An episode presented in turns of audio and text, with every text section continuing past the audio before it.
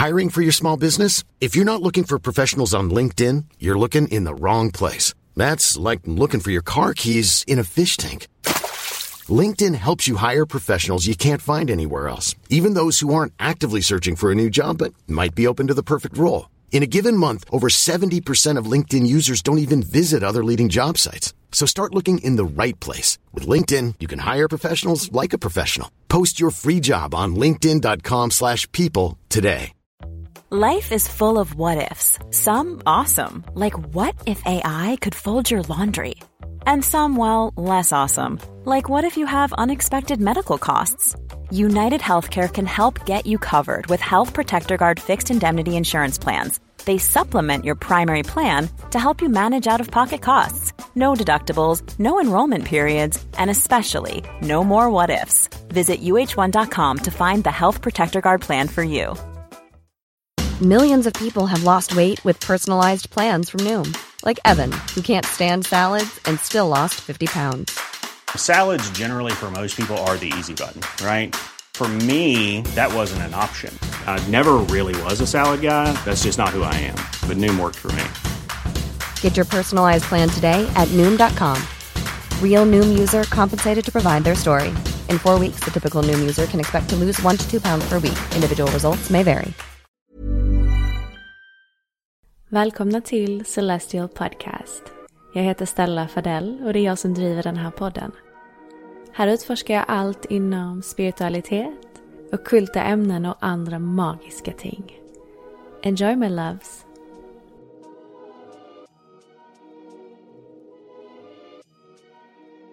Hej alla magiska varelser och varmt välkomna tillbaka till Celestial Podcast. Jag hoppas att ni alla mår super, super bra. Jag är så glad att bjuda in Louise Henning idag till podden. Välkommen hit Louise. Tack så mycket. Så kul. Många av mina lyssnare känner säkert igen dig också via ditt fantastiska Instagramkonto Highly Sensitive Person. Um, och det är just det som är dagens ämne, högkänslighet, vad det innebär att vara en highly sensitive person. Och eh, detta är ju någonting som du har skapat ett fantastiskt konto kring och hjälper hur många som helst att navigera sig i sin högkänslighet. Och jag känner själv igen mig som högkänslig. Jag vet att som sagt många av mina lyssnare och följare gör det också. Um, och, och, jag sa det här till Louise innan och tackade henne för att igår så, vi skulle egentligen spela in det här avsnittet igår, men jag kände mig så dränerad på energi och kände att jag måste liksom hedra min kropp och lyssna på den eh, när den är trött eh, och, och flytta fram liksom, och, och, att boka om ett möte, det är ingenting som man ska liksom skämmas över, eh, tycker jag i alla fall. Och jag visste att Louise skulle vara förstående i det här. Ehm, men jag tycker vi ska normalisera det här. Mår man inte i topp så ska man ändå kunna flytta eller boka om. Det är liksom inga konstigheter tycker jag i alla fall detta avsnitt så vill jag dels prata med dig Louise just om liksom hur din resa har sett ut med att vara högkänslig. Men också kanske dela lite så tips och verktyg i hur man kan navigera sig i sin högkänslighet. För att jag vet att det är som sagt många som är eh, det själva som lyssnar på det här avsnittet. Men eh, alltså om, om man tittar lite grann på hur alltså hur det är att vara högkänslig om man tittar liksom i matrix-samhället liksom, så har jag fått en uppfattning om att att vara högkänslig är lite så negativt betonat eller betingat. Alltså typ så att man får höra åh vad du är känslig, ja men släpp mm. det där, sluta vara så känslig.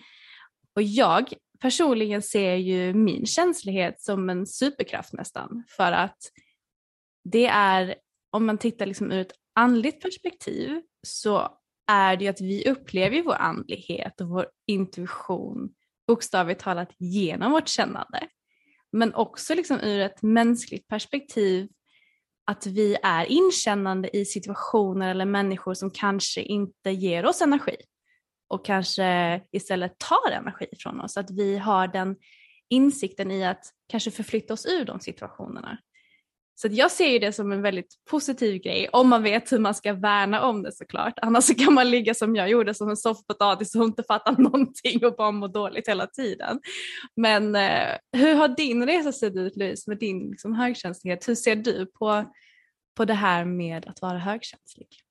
Men först och främst, precis det som du sa känns som att det är så, så vanligt.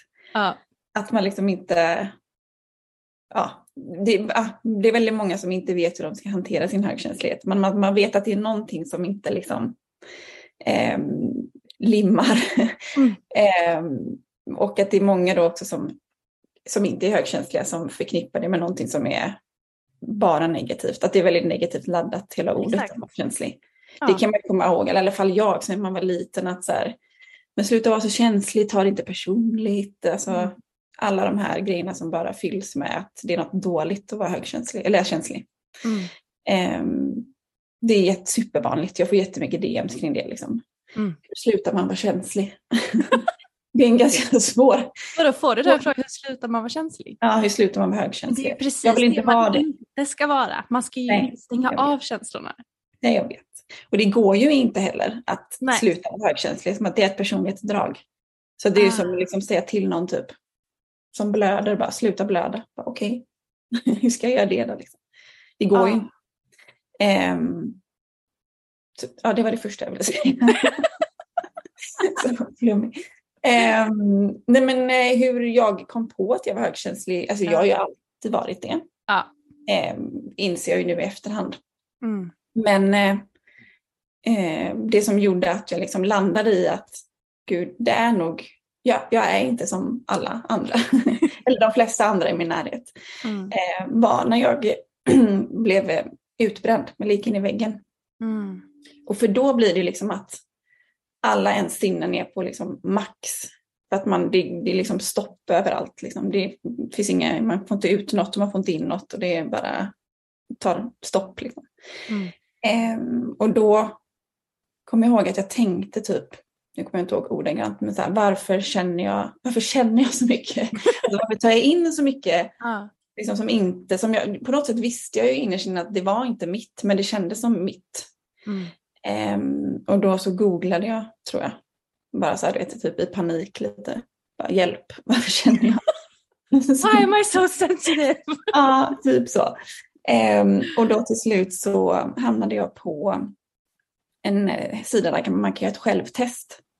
Eh, och det är ju liksom inte så vetenskapligt bevisat, men det är liksom x antal Mm. eh, påståenden och så får man kryssa i det man tycker stämmer. Och har man, om det nu är, jag tror att det var 14 och uppåt, så är man sannolikt högkänslig då. Mm. Och då tickade jag i ganska många av de boxarna. Så kände jag att jag fick, liksom, när jag läste på, bara, men gud, varför har ingen sagt det här innan? Ja. Det här är ju, de beskrev ju mig liksom till punkt och pricka. Eh, så det var egentligen startskottet till att jag insåg att jag var högkänslig och liksom började gräva i Mm. hela mm, det här, vad det liksom innebär. Mm. Eh, Men är det som, alltså, så du sa innan att det, det är ett personlighetsdrag, så det är liksom ingenting man, ingen diagnos liksom? Nej. Som att man får en ADHD-stämpel liksom? Att Nej, exakt. Nej. Utan eh, i alla fall vad jag vet, i Sverige är det inte det. Nej. Eh, Sen får någon gärna rätta mig om det, är nå- om det är någon som vet något annat. Men eh, i andra länder kan det vara så att man ja, diagnostiserar det. Men eh, det, eftersom att det är ett personlighetsdrag så känns det som att det liksom är lite svårt kanske. Ja. Diagnos. Så att det är egentligen, ja, det är väl mycket, jag tror att man också vet lite innerst inne om man är högkänslig eller inte. Att man har någon slags här, inre kompass som ändå säger, alltså man, ja, man känner att man kanske inte funkar exakt som, nu citerar jag alla andra. Ja. Ehm, så att det, ja, det testet skulle jag rekommendera alla, om man är osäker. ehm, Vad är det gör. för typ av frågor som kan dyka upp på ett sånt test? Eh, men vad kan det vara typ? Eh, du blir lätt överstimulerad i folk, eh, stora folkmassor. Aha. Man är känslig mot eh, ja, vissa material i tyger och sånt där. Höga Att det ljud. sticks in liksom. Ja, precis. Mm. Ofta de här lapparna i nacken kan vara så. Usch. Usch, ja. bort. Ehm, ja, men mycket tid att återhämta sig. Ja. Ehm, undviker liksom film och dokumentärer som är mycket våld. Alltså, Ah. för man tar, det går liksom rakt igenom. Ja. Eh, ja, men mycket tankar och funderingar. Man eh, kanske klassas som en ältande person. Mhm. Eh, att man tänker och vrider och vänder på mycket. Och, och också den här klassiska när man var liten att man då andra stämplade, satte stämpeln på en att man var känslig eller blyg. Ah, Okej. Ehm, ja, så det finns ju ett gäng eh, olika Alltså jag Eh. tänker det här med att vara blyg, är det kanske för att man har bara en starkare inre värld än vad man har en yttre? För jag, var, jag är väldigt, liksom, tänk, jag är mycket, dels i en, jag har en väldigt liksom, stark fantasi så jag tycker om att bo Mm. i den världen men också att jag tänker väldigt mycket vilket kan vara en, alltså, både en styrka men också en svaghet för att det kan bli så att jag övertänker saker eh, och Ja. inte kan släppa det. Det har blivit mycket bättre nu men innan typ om jag fick kritik för någonting så var det så här, åh gud, alltså jag är sämst. Jag kom, nej, nu är jag rädd, nu kan jag aldrig mer säga eller uttrycka mig eller göra det här. Det, det här är så jobbigt liksom. Gud, jag känner igen mig jättemycket. Men det har liksom på något sätt så har jag landat i att jag är bara människa och vi gör fel och det är egentligen om jag gör fel, who, who cares? Alltså vem bryr sig? Det är, om det är någon som skulle reagera på det, då är det på dem. Liksom. Mm. Men- Mycket ligger också i, kanske, kan jag tycka, i hur man levererar feedback eller kritik. Ja. Eh, fine att man kan känna att det går rakt in. Det är väl också bra för att då tar man ju åt sig och jobbar liksom på det. Men Ja. det finns också ett sätt att leverera det som gör att det kan bli mer eller mindre Smärtsamt. Ja, exakt. Ja. att Det, ja. Jag, jag, jag kämpar jättemycket med det också. Mm, ja, ja, absolut. Det finns ju otroligt bra feedbackmodeller för er som vill jobba med det. Men eh, konstruktiv kritik i alla lägen tänker jag. Ja, Men hur, hur är det? För att alltså, jag har ju, man har, har ju hört, eller jag skulle nog säga att jag blev mer bekant med begreppet empat innan jag förstod vad, att, att man kunde vara högkänslig. Men sen Mm. samtidigt så ser jag liksom att det är ganska diffus linje mellan de två begreppen. Ja. Är de typ samma sak eller hur ser du på det? Ja, men i grund och botten är det typ samma. De har som liksom samma Ja. grunddrag. Ja, Eh, att man delar liksom kärleken till typ natur, lugna miljöer, hjälpa andra och där så pratar man om att man liksom har ett rikt inre liv, typ mycket så här man tänker och kan Ja. dagdrömma sig bort i någon så här härlig värld som känns lite trevligare än man är. ja. Ehm, Men det som egentligen skiljer dem åt är att eh, som empat så observer, eller, det? absorberar du andras känslostämningar. Eh, så att du tar verkligen in dem och gör den känslostämningen till din egen. Ehm, och det är ganska eh, svårt att separera liksom, sina egna eh, känslor och sinnesstämningar från andras. Men sen är det jättevanligt, alltså de flesta högkänsliga är högkänsliga och empater. Så att det är därför det blir så suddigt.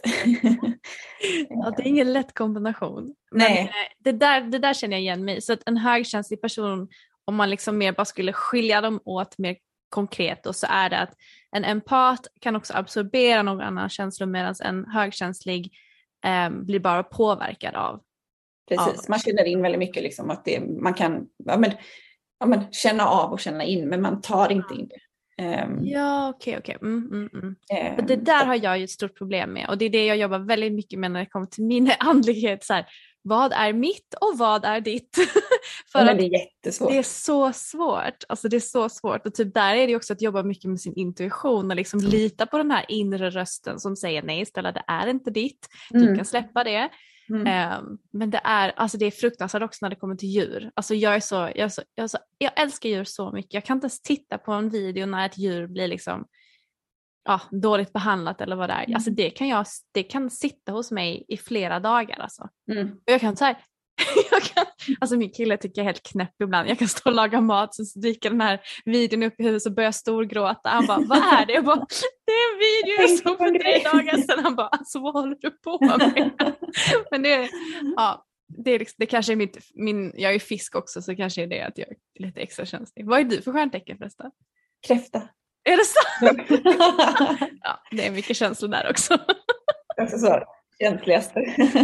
Men har du haft Ja, svårt? nej, men för jag tänker med kräftor, alltså de har ju ofta liksom ett hårt skal. Så att Mm. utåt mot världen så kan det ju uppfattas som att de är ganska liksom avstängda när det kommer till sina känslor. Att de inte visar så mycket utåt sett men har det väldigt mycket bakom liksom stängda dörrar och liksom Mm. inom sin egna liksom trygga plats så har de ju väldigt mycket liksom nära kontakt till sina känslor. Hur har det liksom varit för dig? Kan du känna igen dig i det? Ja, både och. Alltså, jag, mycket för mig har att göra med eh, vad det är för eh, människor jag är med. Ja. Alltså är det, folk som jag känner som jag känner mig trygg med, då Mm. alltså, öppnar jag upp då är de liksom längst in i Ja. kassavalvet. Liksom. Ja. Eh, men eh, där jag känner att så här, nej, jag vet inte riktigt om det är genuint. Alltså att jag är lite osäker ja. på den andra personens liksom, intentioner. Mm. Det är någonting som bara, man känner av en vibration typ om det stämmer eller inte. ja. Då kan jag vara lite reserverad. Jag släpper ändå in men inte, jag, kan, jag kan inte vara mig själv till 100 procent. Nej, Nej Typ men det, det känner Eh. jag också igen mig i. Men det är nog eh, också att man har varit sig själv till 100 procent med folk som inte man ska vara det med kanske. Och så har man blivit bränd av det. Så det är väl också lite en sån försvars, eh, försvarsmekanism kan jag tänka mig, blandat med hur man är som person. Mm, ja, verkligen. Jag tänker så här, för när man är högkänslig då är man ju, alltså i grund och botten det är energin man är känslig för. Hur har det, nu vet inte jag, för jag kan, alltså jag kan inte så mycket om just dig personligt, eh, utan jag har ju följt ditt fantastiska konto och liksom med högkänsligheten. Men alltså det här, det här är ju en spirituell podd så jag tycker ju om att komma in på de här ämnena också och eh, jag vet ju att du är liksom insatt i kristaller och lite sådana grejer. Men ha- har du liksom, är du medial på något sätt eller hur liksom, har du, har du någon sån sida till dig själv också? Eh, jag skulle ändå säga att jag är det, Mm. men att jag var ganska dålig på att utforska det tror jag. Ah, Min mamma är supermedial och min syster är det. Och jag har ju liksom upplevt grejer som jag känner att det här kan inte jag riktigt förklara ah, när jag var yngre. ah. Men jag har liksom aldrig gjort mer av det. Jag har nog bara ja så är det typ och så gör jag inte mer av Mm. det. Ehm, så att jag skulle ändå säga att jag är det. Men ehm, jag skulle nog kunna öppna upp för det ännu mer. Mm. För där tänker jag liksom att vara högkänslig är ju också en slags liksom superpower om det är att öppna upp sig liksom andligt just för att man upplever ju det genom sina, sitt kännande, sina, kännande alltså sina sinnen helt enkelt. Ehm, så jag har liksom försökt landa lite i det liksom och typ, ja, alltså utforska det lite. Har, är de flesta som är andliga eller har mediala gåvor, är de högkänsliga? Alltså jag, jag känner att det finns liksom någon koppling där. Ehm, Men det Men- tror jag också. Men det finns liksom ingen forskning på det vad jag nej, vet. nej, exakt. Alltså så. Men jag tror att det är jättemånga som är det just för att man är så, eh, vad heter det på svenska, in tune. Alltså så här, Ja, men- uppkopplad mot sina känslor, hur man känner Ja. och, eh, och vad andra känner. Liksom. Precis, för jag, alltså jag kan ju gå in i ett rum och bara, uff, här är det Mm. någonting. Mm. Alltså här, här, här är någon energi off eller här är en väldigt stark energi eller, eller med en människa också. Alltså så här Mm. bara, "Ah, här- är det någonting. Alltså det är Ja. liksom det här, man kan inte sätta finger på vad det är, det är bara en känsla man har Ja. inuti. Och jag kan Alltså nu, jag har verkligen reflekterat ganska mycket över det här på sistone och det dykt upp mycket så gamla saker som bara har dykt upp ehm, av någon anledning. Men också liksom hur jag var när jag var yngre. Att jag var väldigt känslig för miljöer och jag kände direkt när någon ljög för mig. Alltså, och mina Gud, föräldrar, jag kände liksom, alltså jag, jag har alltid känt typ att mina föräldrar inte hör ihop. Mm. De har ändå varit ihop för mig och min bror men jag har, jag har aldrig känt att den där liksom, sexuella kärleken som ett par ändå ska ha, den har liksom aldrig funnits där. Och det är typ så här, de har försökt liksom ha en fasad mot mig och min bror där, jo men vi, vi älskar varandra och sådär. Jag bara, men det, jag, jag känner att det är någonting som är off här liksom. Det har alltid varit med mig så starkt att jag känner liksom när, när någonting när någon säger någonting, när det inte är genuint. Liksom när det inte är genuint. Det är nog det jag Mm. vill komma fram till. Men när orden inte matchar vibrationerna. Exakt, exakt. Det här är så läskigt för att det här, jag tänkte precis säga det här exemplet. Mina föräldrar och jag och min syster är exakt samma. Va? Jag visste att mina föräldrar skulle skilja sig från att jag var 10. Men de, giftes, eller de skilde sig typ när jag var 20. Och när de sa det, jag bara, ja men det har jag vetat. Sen Är det sant? Ja. Nej Det vad sjukt. Och jag, för det är, också, det är precis det som du sa, liksom typ om de har hållit handen eller typ pussat så har det varit så här ganska platoniskt. Typ. Alltså man har Ah. känt så här, ja det var en puss men var den innerlig då? Eller så här, man känner liksom inte den vibrationerna mellan dem som man tänker att det ska vara när man är ett par. Typ. Utan Exakt. bara vänner mer.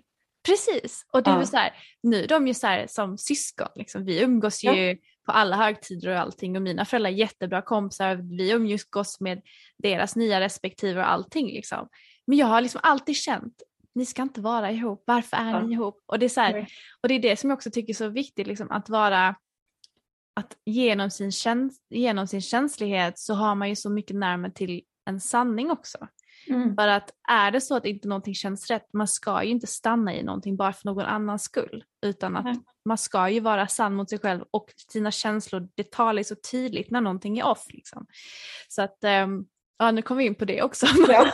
Men ett exempel för att jag, eh, också att man så här, jag kan också, jag känner väldigt mycket så med typ vänner och så.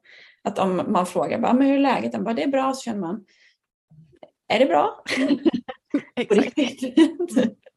Och det var någon gång jag frågade min kompis här, men det känns inte som att det är bra, är det verkligen bra? Liksom? Och då bara bröt hon ihop, hon bara, nej, det är jättedåligt. Alltså så att hon bara försökte hålla uppe och den fasaden, alltså den gråzonen mellan, alltså den vibrationen som inte stämmer överens med det de säger, det är så svårt att inte agera på den tycker jag. Ah.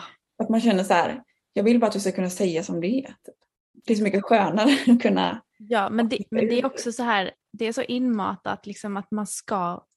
Alltså det är aldrig så när jag frågar någon, hej hur är läget? Att de, att de nej. bara, nej men det, det är skitjobbigt just nu. Alltså det är jättejobbigt, det här och det här har hänt och bla bla bla.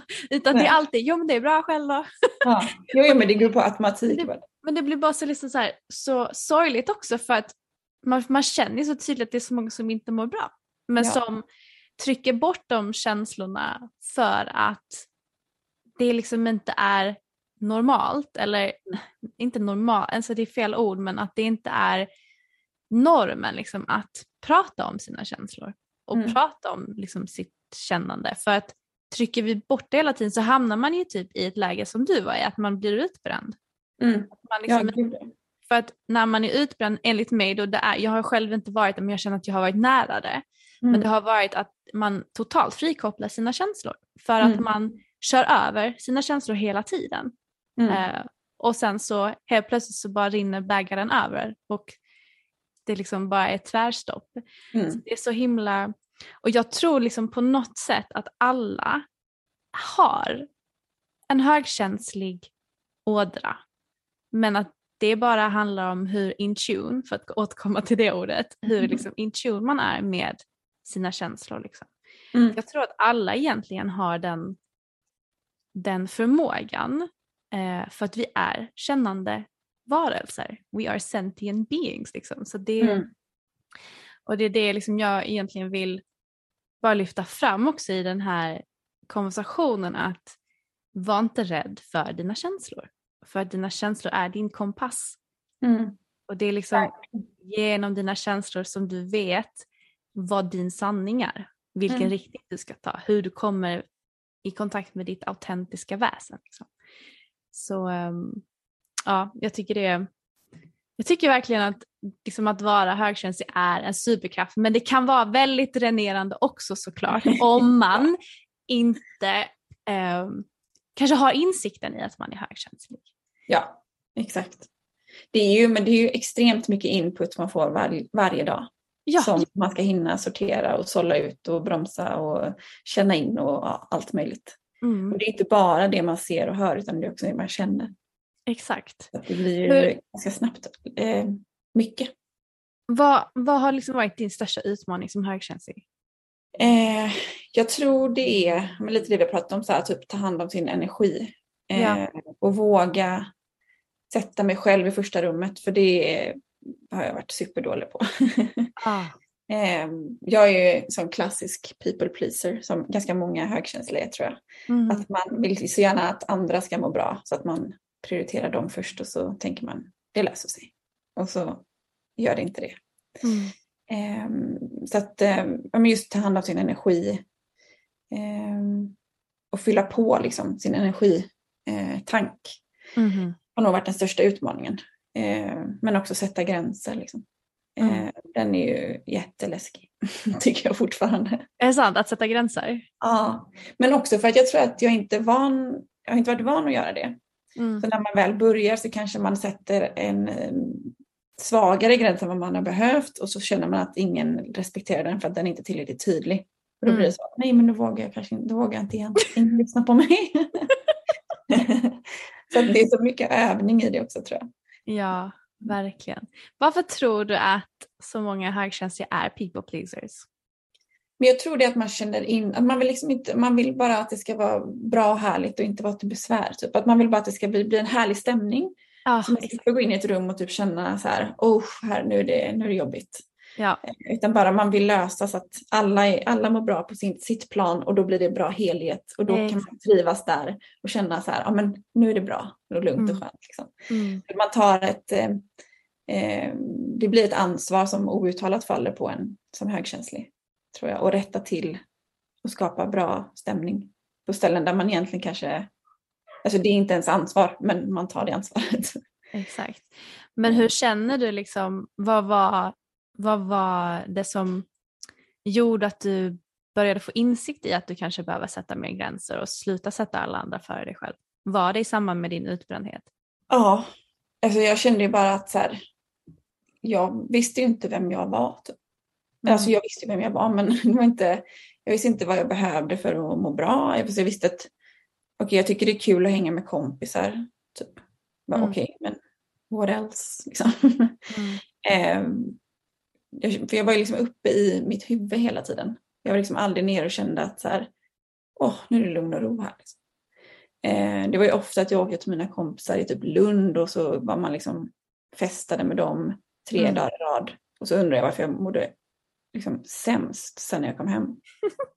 Bara, Ja. är jag bakis? Bara, nej, det är inte för att jag har varit, typ, druckit lite, men, utan det är för att jag var socialt bakis och energibakis. Exakt. Ehm, så det har varit mycket sådana grejer som jag bara fått analysera. Så här, vad det jag gör, varför funkar inte det? Eller varför jag kanske inte kan vara ute en hel kväll och komma hem klockan 12. Jag kanske får gå hem 10 då, så får jag väl vara klassad som den tråkiga om det nu är så folk, att folk tycker det. Liksom. Mm.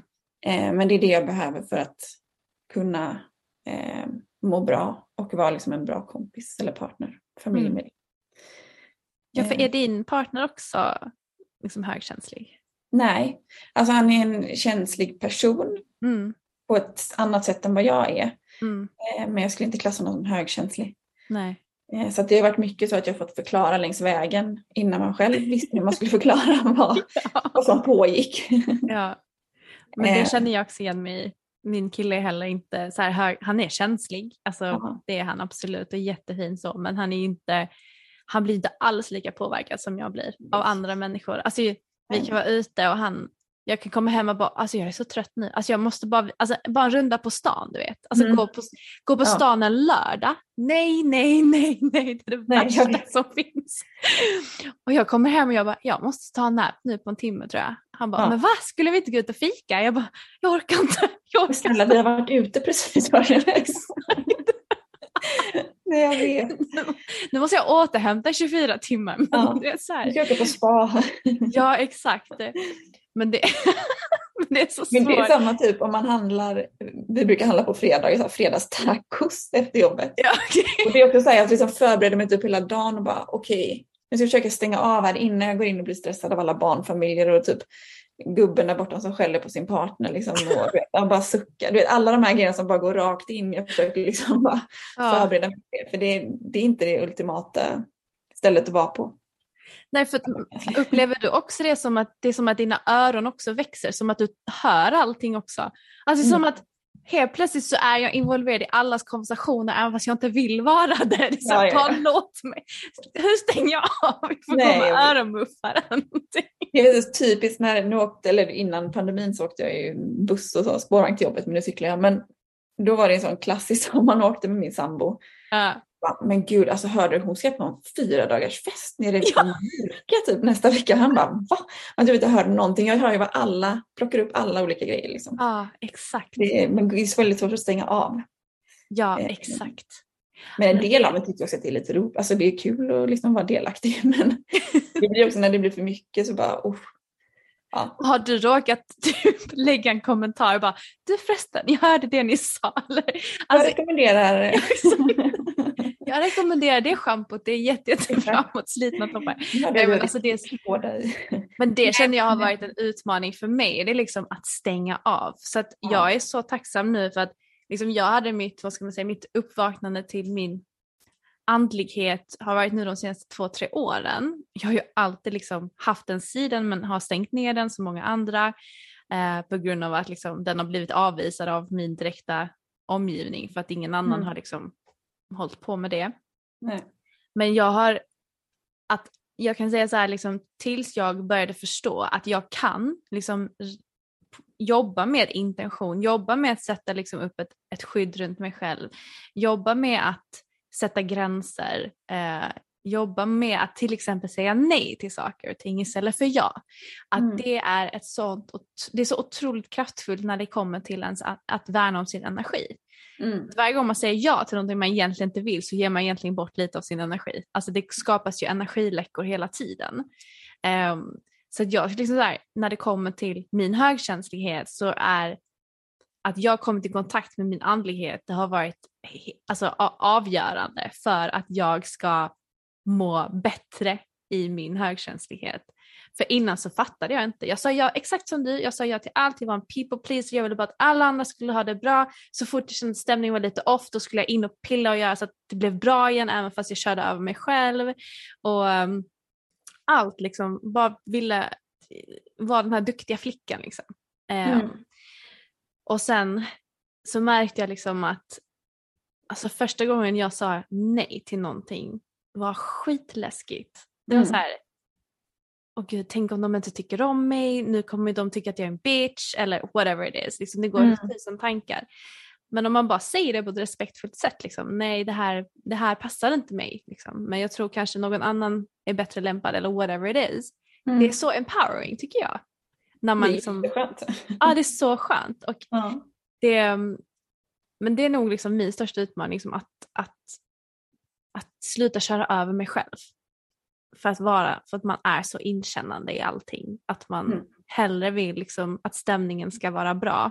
Mm. För att man har en sån tydlig barometer i vad liksom, stämningen är off. Att man kan gå Mm. in och försöka manipulera upp den på något sätt. Liksom. Mm. Det kan jag liksom komma på att jag har använt humor till ganska mycket. Att jag försöker Ah. skoja. Ah, Ehm, och så här vara lite check och roligt. Och så när, om det då inte skulle, om den humorn som jag är uppvuxen med funkar för det, ja. inte funkar i en situation, då är det ju dubbelt upp jobbigt. Ah, känner man, åh nej, nu blev jag liksom en clown också. Ska jag bli- nej! Men har du så här Eh. torr humor? Ja. väldigt, mycket, väldigt iro- ironiskt skulle nog säga. Eh, Ja. Det brukar ju gå hem. Speciellt om Men man det är många som inte fattar ironi. Jag vet. Och Det då blir det jobbigt. Tycker jag. Ja det är jättejobbigt som verkligen tar illa vid sig när man försöker bara Ja. lite. Ja det, det är ännu jobbigare. Jag bodde i USA en gång, en period, och då skulle jag skämta med min värdmamma. Ja. Och då var jag ironisk. Hon fattade, hon var liksom stoneface. Hon bara, var det ironi? Jag sa, ja. Hon bara, säg, jag skämta aldrig om det igen. Jag bara, då, då skippar jag ironin. Och då Så det är väldigt olika så här, vilka som uppskattar det. Och för många, man, vissa kan ju känna sig dumma då. Liksom. Ja exakt. Men gjorde, inte, gjorde sitt. du det? Vad sa du? Kände du dig dum efteråt? När jag hade sagt det menar du? Ja. Nej, alltså för att jag sa ingenting som var... Det, det är typ ösregnade ute så sa jag, vad skönt att det är soligt. Typ så. så. Va? Och hon reagerade så?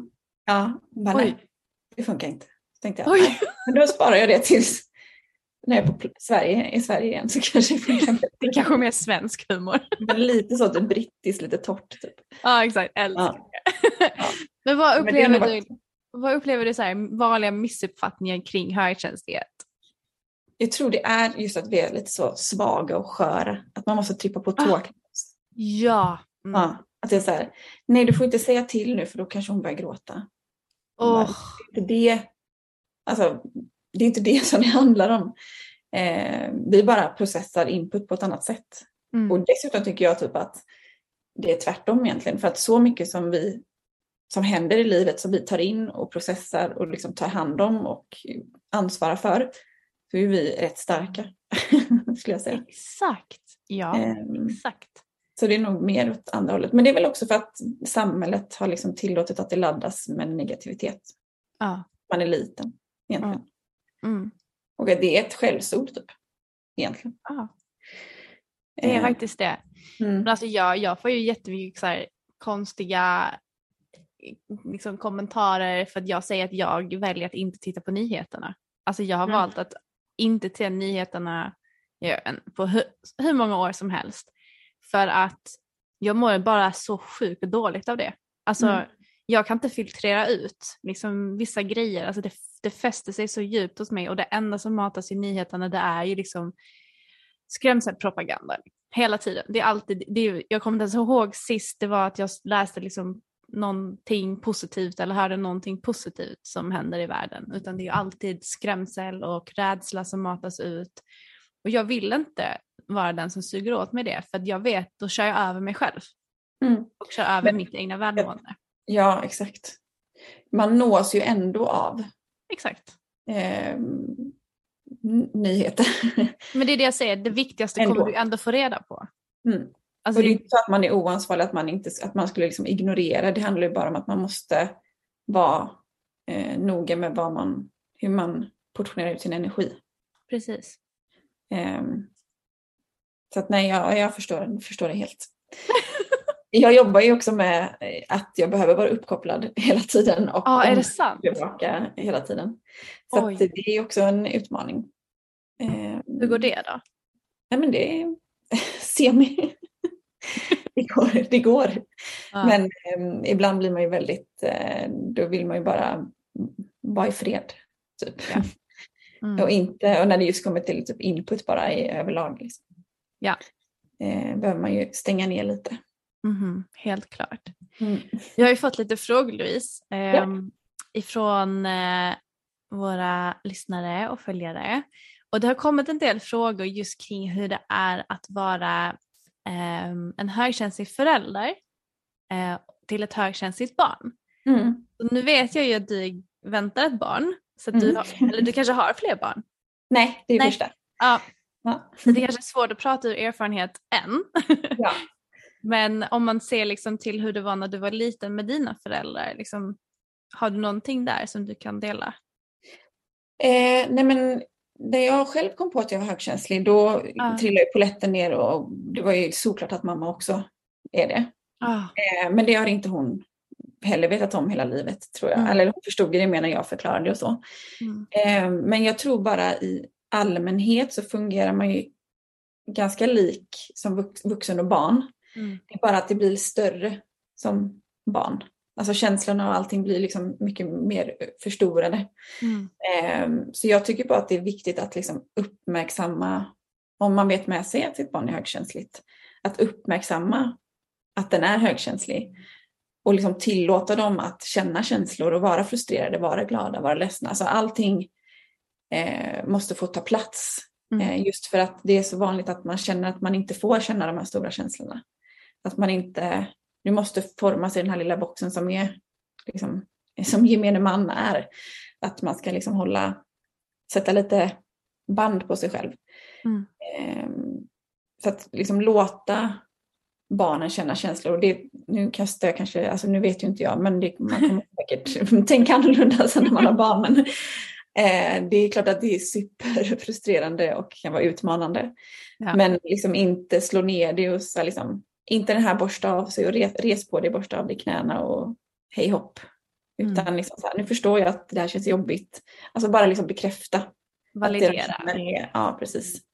Men också ge tid att varva ner och få liksom tysta, lugna perioder och göra något kreativt. Typ läsa, Ja. titta på någonting med hörlurar eller måla. Alltså någonting som bara gör att man kommer ner i varv.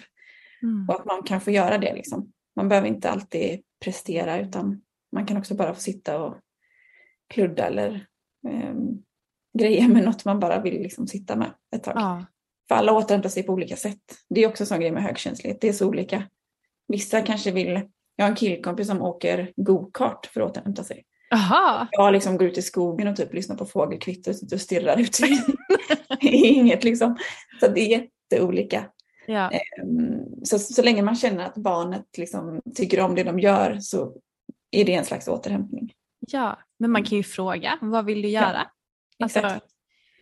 så alltså att, att kanske, för jag tänker också så här, vi, det jag ser mycket i samhället nu det är att många barn sitter med små iPads och kollar olika program hela tiden Mm. och har tappat lite det här med att vara ute och leka och liksom använda händer, rita, måla.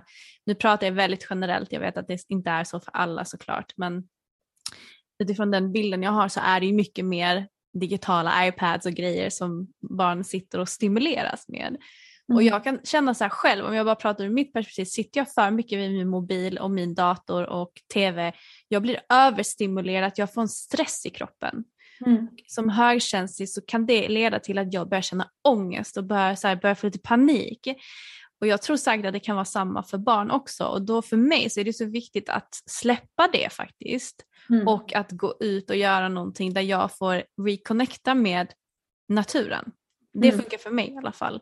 Men eller att få vara kreativ, att få rita eller få göra någonting där jag känner liksom att jag får röra på kroppen, kanske dansa, alltså dansa, röra mig till musik eller sträcka ut kroppen, alltså att göra någonting rent kroppsligt. Mm. Jag också hjälper jättemycket om det är så att man har blivit överstimulerad. Ja. För det är ofta det jag tror man, man blir om det är så att man känner väldigt mycket att man blir överstimulerad på något sätt. Så vad kan man då göra då för att motverka det? Men jag tycker också det är så viktigt, precis som du säger, att man validerar barnets liksom, känslor och även sina egna känslor.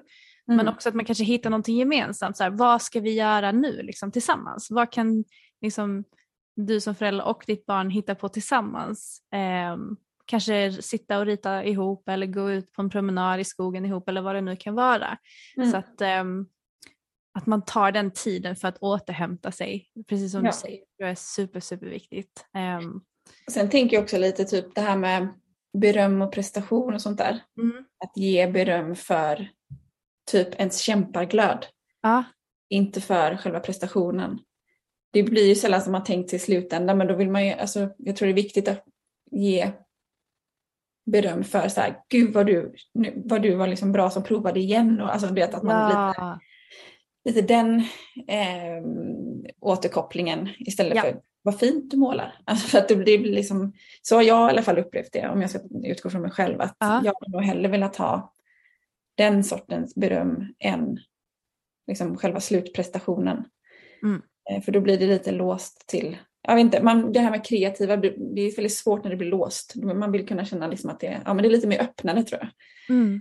Ehm, men Ja, ja, men det kan ju vara så här, att man inte behöver säga nu ska du måla, du, du kanske ska måla en skog, utan så här, bara måla vad du vill. Alltså bara Ja. Måla vad du vill så blir det jätte, jättebra. Att man inte behöver liksom sätta, precis som du säger, en, en slutdestination Nej, i, i sin prestation. För det blir ju också, precis som du säger där, liksom att jag tror det är mycket det som växer fram med den här duktiga flickan, duktiga pojken syndromet. Att man får höra, åh vad du är duktig, du gör så fina teckningar och du är så duktig på att sjunga och du är så duktig på att bygga. Att man Mm. bara, åh gud jag måste upprätthålla den här duktighetskänslan liksom, känslan, så att man Mm. typ är rädd för att göra fel. Liksom. exakt. Så det, det kan sätta sig i, så unga åldrar tror jag också. Så att det, Mm. Det är så viktigt. Jag tror liksom att vara en högkänslig förälder är också liksom en superkraft. Gud jag säger superkraft mycket i det här avsnittet, men jag ser verkligen känns som en superkraft. Ja, om man, om, ehm, om man är, liksom har en insikt i det helt enkelt. Men att Mm. man är inkännande i sina barn och inte liksom bara slår bort vad de upplever. För det, kan, Mm. det fick jag liksom uppleva när jag var liten och jag vet att mina föräldrar inte gjorde det för att vara taskiga på något sätt utan det var bara så här, de upplevde inte samma inre fantasivärld som jag gjorde och då hade de ingenting att relatera till och då slog de bort det som en icke-sanning för det var en icke-sanning för dem men det var en sanning för mig. Och då Mm. hade jag behövt att de validerade det för mig istället för att säga nej men det där är bara Mm. någonting. liksom. Så ehm, ja. Ja, exakt. Mm. Eh, Okej, nästa fråga då. Mm. Hur skyddar man sig mot andras energier? Och ja, jag har fått lite olika frågor som är samma tema. Så här, hur man skyddar sig från att plocka på sig andras energier. Mm. Som det som vi pratade om också där, när man är, när man är både HSP och empat. Ja. Det är jättesvårt.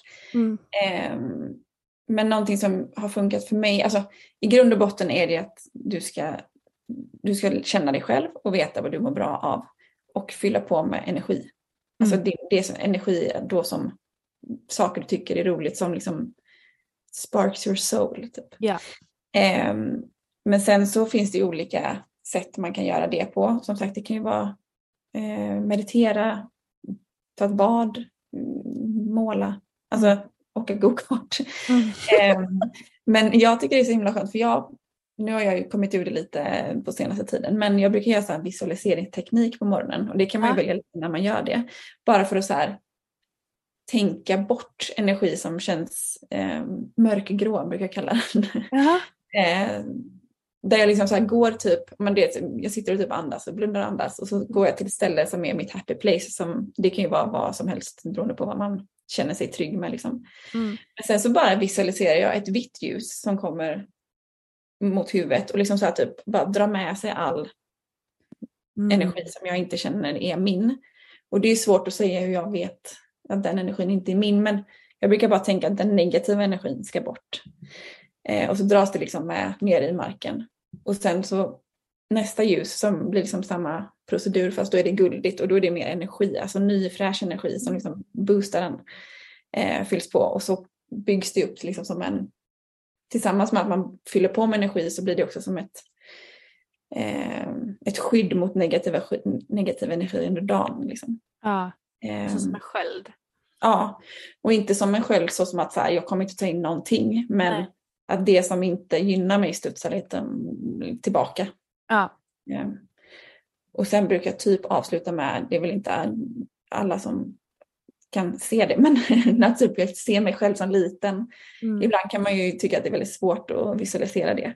Men om man kan se sig själv som liten så brukar jag avsluta med det, liksom så här, typ, fråga vad jag som liten behöver idag för att må bra. Typ. Ah, ditt inre barn. Liksom. Ja, precis. Mm. Um, och det är ett sätt som har funkat för mig i alla fall, att liksom rensa ut och starta dagen eh, på ett sätt som, där jag har lite mer koll på så här, okej okay, hur mår jag nu? Och så om jag går till jobbet eller ut på stan eller vad som helst och kommer hem så brukar jag jämföra med hur jag kände mig innan. Ah. Och då kan jag lite så här, okej okay, men nu kände jag mig lite så här stressad eller lite ledsen eller vad det nu kan vara och då kan jag känna att det gjorde jag inte innan jag gick hemifrån så då är det någonting som inte är mitt som mm, har snappat upp. Typ. Smart. Det där är jättesmart, att checka in med sig själv på morgonen för då förstår mm. man ändå sin grundenergi. Ja. Och sen så när man kommer hem och känner sig annorlunda då vet man att man antagligen har plockat på sig någonting. Och då kan man göra samma procedur ja. igen, vilket det funkar för att typ avsluta mm. dagen med det och komma tillbaka till den grundenergin. Ja. Um, så det är väl typ det som jag har hittat som jag tycker funkar. Annars tycker jag att det är ganska svårt. Men eh, eh det handlar mycket om att checka in med sig själv som du sa också. Ja. Och veta liksom lite ens grundenergi. Mm. Eh, oftast känner man ju när man är liksom man, blir lite, man, man, blir mer spänd eller typ man blir snabbare, re, mer reaktiv kanske. Eller det är ja. någonting som, det blir en hårdare, en vassare vibration typ som man ja. har. Mm. Um, man reagerar mer. Liksom ja, precis. Mm. Um, så att, ja, det är väl ett sätt som jag eh, försöker värna om min energi på liksom, och inte ja. eh, suga åt mig allt för mycket. Eller det är klart att man gör det ändå men inte så pass mycket att det blir för mycket och att man blir helt slut. Mm. Jag tycker det var jätte, jättebra, alltså, väldigt, alltså också enkelt.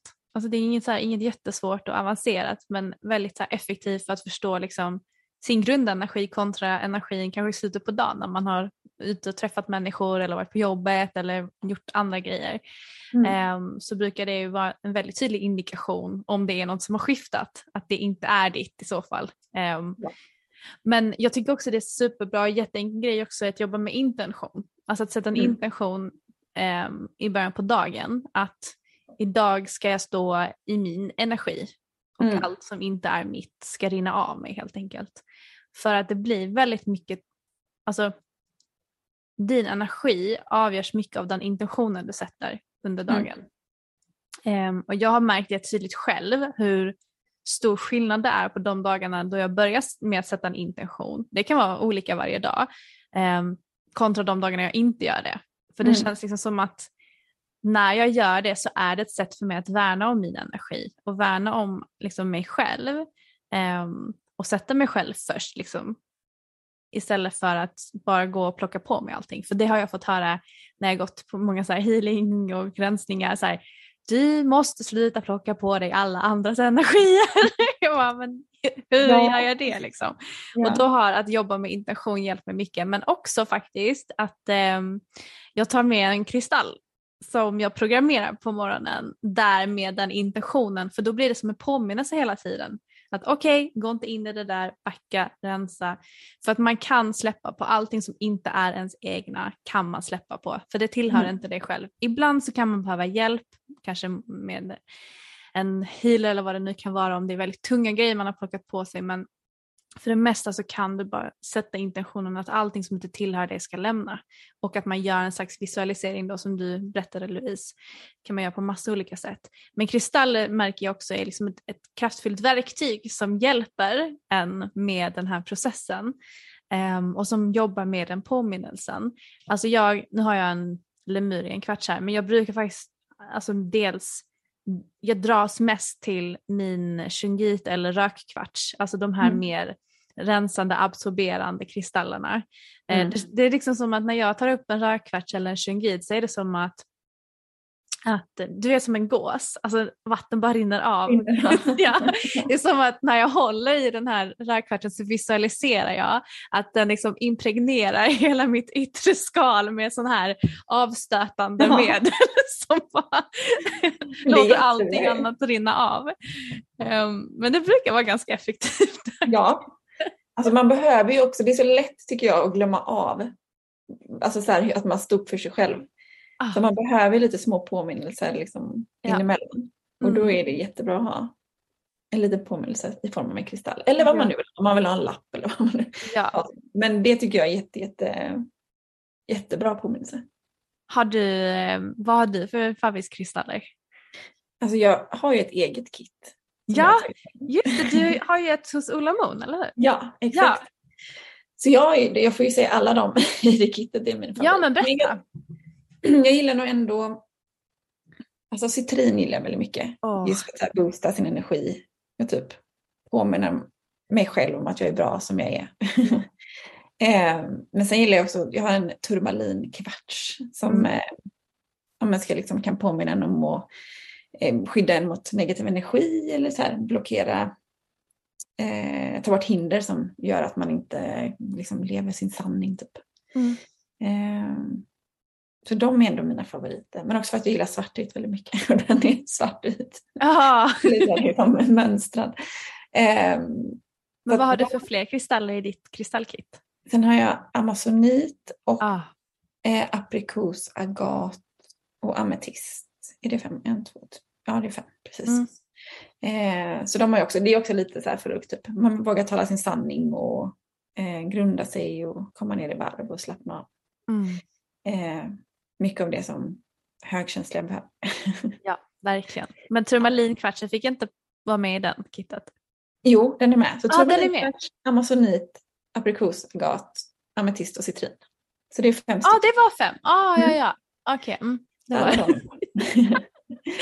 ja men helt underbart ju. Jag älskar ja. kristaller. Så att det är verkligen ett tips som, som Louise nämnde där. Jag vet att det var väldigt många som frågade, det har kommit in mer nu i efterhand också om hur man kan göra för att inte plocka på sig andras energi eller värna om sin egen energi. Så visualiseringsövningar, sätta intentioner, programmera en kristall men också känna in liksom, lite då och då under dagen. Hur mår jag just nu? Är det någonting som har mm. skiftat? Okej, okay, vad kan det vara? Är det någonting jag kan släppa? Um, så att det är så viktigt att ta ansvar för sin egen energi och inte gå in i den här offerrollen som jag själv har varit väldigt mycket i. att det är så, det är liksom, man kan hamna väldigt mycket i att man inte har möjlighet att påverka sitt välmående men det, men det har man alltid. Um, så att det är bara extra viktigt som högkänslig att man faktiskt prioriterar det tror jag. Mm. Ja det får jag jättemycket DM som också. Får du det?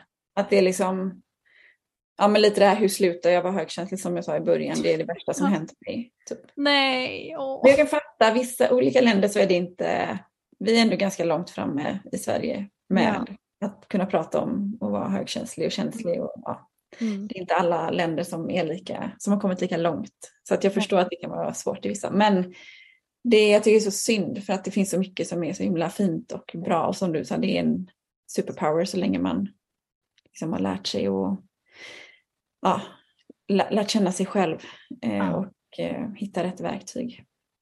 Men hur, vad svarar du då liksom för de som har det kanske lite jobbigare som inte bor i Sverige kanske? Liksom hur, vad har du för tips till dem? Om sin Alltså det är ju så svårt tycker jag att ge tips när man inte har någon att prata med som Alltså de kan inte ens prata med sina närmsta typ syskon eller föräldrar, inga vänner, ingen eh, accepterar att de pratar om det eller att de är högkänsliga. För det är inte, ja men lite som det också kan vara här i vissa branscher, typ att man, det är så här snabbfotat och man ska vara hungrig och du vet alltså hela kämpaglöd. Ehm, så alltså det jag igen, det beror på lite vad de skriver. Oftast kan det också vara att de har lite djupare problem och då brukar jag liksom, det kan inte jag, jag är inte utbildad att ta på Nej. mig dem så då brukar jag liksom hänvisa till någon de kan prata med som kan ge dem rätt verktyg. Men just när det kommer till högkänslighet så är det bara, alltså, jag försöker bara uppmuntra dem att fortsätta vara sig själva och våga liksom sätta gränser och stå på sig och Mm. ja, lära sig så mycket som möjligt om eh, personlighetsdraget just för att kunna fylla sin ryggsäck med eh, saker de behöver för att ja, må så bra som möjligt även om det kan vara en utmaning då. Mm. Så att ja, det, det är svårt tycker jag också att ge tips när man, det liksom inte riktigt kanske finns alltid någon väg ut för dem, man ska säga. Mm. Eh, eller det inte finns en accepterande miljö kring det, för det känns också som att det är eh, jätteviktigt att ha någon i alla fall man kan liksom Ja. andas ut hos. Men då blir det lite att de gör det hos mig då. Ja. Eller mitt konto får stöttning och hittar andra som känner samma. Mm. Ehm, Men vilken enorm skillnad du, alltså ditt konto måste göra för just de personerna som inte har någon annan. Att de, du har ändå byggt upp ett helt otroligt stort community runt liksom, alltså HSP. Att det, ja, du ska verkligen liksom ta åt dig alltså ett så fantastiskt jobb du gör. Jag har inte ens tänkt på det. Liksom. Jag har ju verkligen tänkt på att, alltså utgått från mig själv, i Sverige är det så himla öppet och accepterande för det mesta. Liksom. Men säkert i andra liksom, länder, kanske i, alltså jag bodde i Dubai innan och typ de liksom, länderna i Mellanöstern, där är det inte lika accepterat att vara så eh, känslosam eller att, att det kanske inte är liksom normen helt enkelt. Ehm, men att, att hitta liksom communities, kanske online då, precis som ditt, och försöka hitta likasinnade där som man kan prata med. Det måste Mm. ju ändå underlätta lite grann kan jag tänka mig. Eh, Ja, känna att man inte är ensam Ja. eh, i det man känner i alla fall. ja, En liten och, del. och det är ju liksom bara ett bevis om man tittar på ditt konto. Alltså hur många har du? Över 80 000? Eller hur många Ja, har? Jag tror det är åt, ja, 80, 81 eller något sånt där. Jag inte Ja, kollat. 81 000 människor bara på ditt konto liksom. Så det är ju det är så många som känner, Ja. känner helt enkelt. Ja. Ja, men det är också typ skönt att kunna bidra till att det faktiskt pratas mer om det. För jag har ju märkt Ja. att det har blossat upp ganska mycket mer. Mm. Alltså, både i, alltså, så media pratar om det men också andra konton. Så att, eh, det är jättebra. Det gör bara att fler kan känna sig mindre ensamma tror jag. Och få mer förståelse för det. Mm. Ja, det är så bra. Du gör ett fantastiskt jobb Louise, verkligen. Och ehm, för er som inte vet var man hittar dig någonstans, var, var kan man hitta dig någonstans? På? Instagram. eh, då är det highly sensitive underline eller underscore. Jag vet aldrig vad man säger. Person. Exakt. Eh, så highly sensitive underline person på Instagram. Och Enkelt. jag har också ganska mycket här, typ gratis eh, guider och lite tips och grejer som man kan ladda ner. Så det finns mycket gratis material om man är peppad på att lära sig mer. Och göra lite övningar och sånt där skojsigt. Ja, vad bra. Ja, men jag kommer ju såklart länka till dig i det här avsnittet så att alla som lyssnar enkelt kan hitta till Louise. Eh, Men Louise, det har varit så underbart att få prata med dig och det är så spännande att vi ändå har gått igenom ganska liknande grejer. Verkligen. Samma uppväxt. Ja exakt, verkligen. Nej, men det var så, så härligt att få prata med dig. Tack snälla för att du var med. Ja, tack själv. Detsamma. Och eh, för er som har lyssnat, tack snälla för att ni har gjort det. Ni vet att ni hittar podden både där på Spotify i audioformat men den finns ju även på Youtube. Så att det är in och gå in och lyssna där ni känner att ni eh, får mest utdelning av det helt enkelt. Men eh, jag får bara önska er en helt fantastisk morgon, eftermiddag eller kväll eller när ni än lyssnar så ses vi igen